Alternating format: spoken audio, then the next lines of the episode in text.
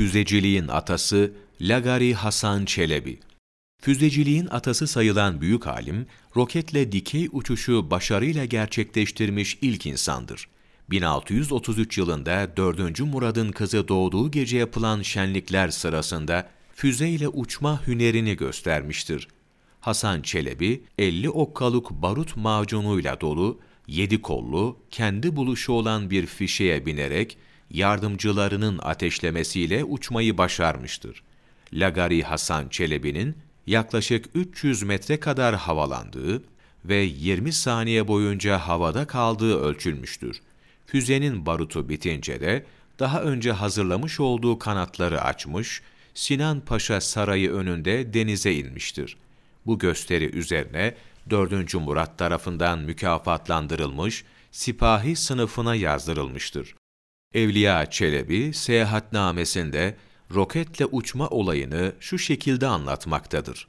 Murat Han'ın Kaya Sultan isimli kızı dünyaya geldiğinde akika kurbanı şenliği oldu. Bu Lagari Hasan 50 okka barut macunundan yedi kollu bir fişek keşf eyledi. Saray burnunda, hünkâr huzurunda fişenge bindi ve yardımcıları fitili ateşlediler. Lagari, padişahım seni hudaya ısmarladım, İsa Nebi ile konuşmaya gidiyorum diyerek semaya fırladı. Yanında olan diğer fişekleri ateşleyip ruyu deryayı çırağan eyledi. Fişengi kebirinin barutu kalmayınca zemine doğru inerken kartal kanatlarını açarak Sinan Paşa Köşkü önünde deryaya indi ve padişahın huzuruna geldi. Yere inince padişaha, padişahım, İsa Nebi sana selam söyledi diyerek şakaya başladı. Daha sonra Lagari Hasan Çelebi Kırım'a gitmiş, orada Selamet Giray Han'ın yanında ölmüştür.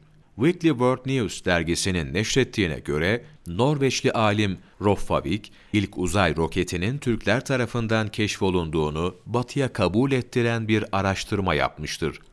İlginçtir ki modern anlamda ilk roket çalışmaları da bugün Kırım'ın içinde bulunduğu Ukrayna'da başlamıştır.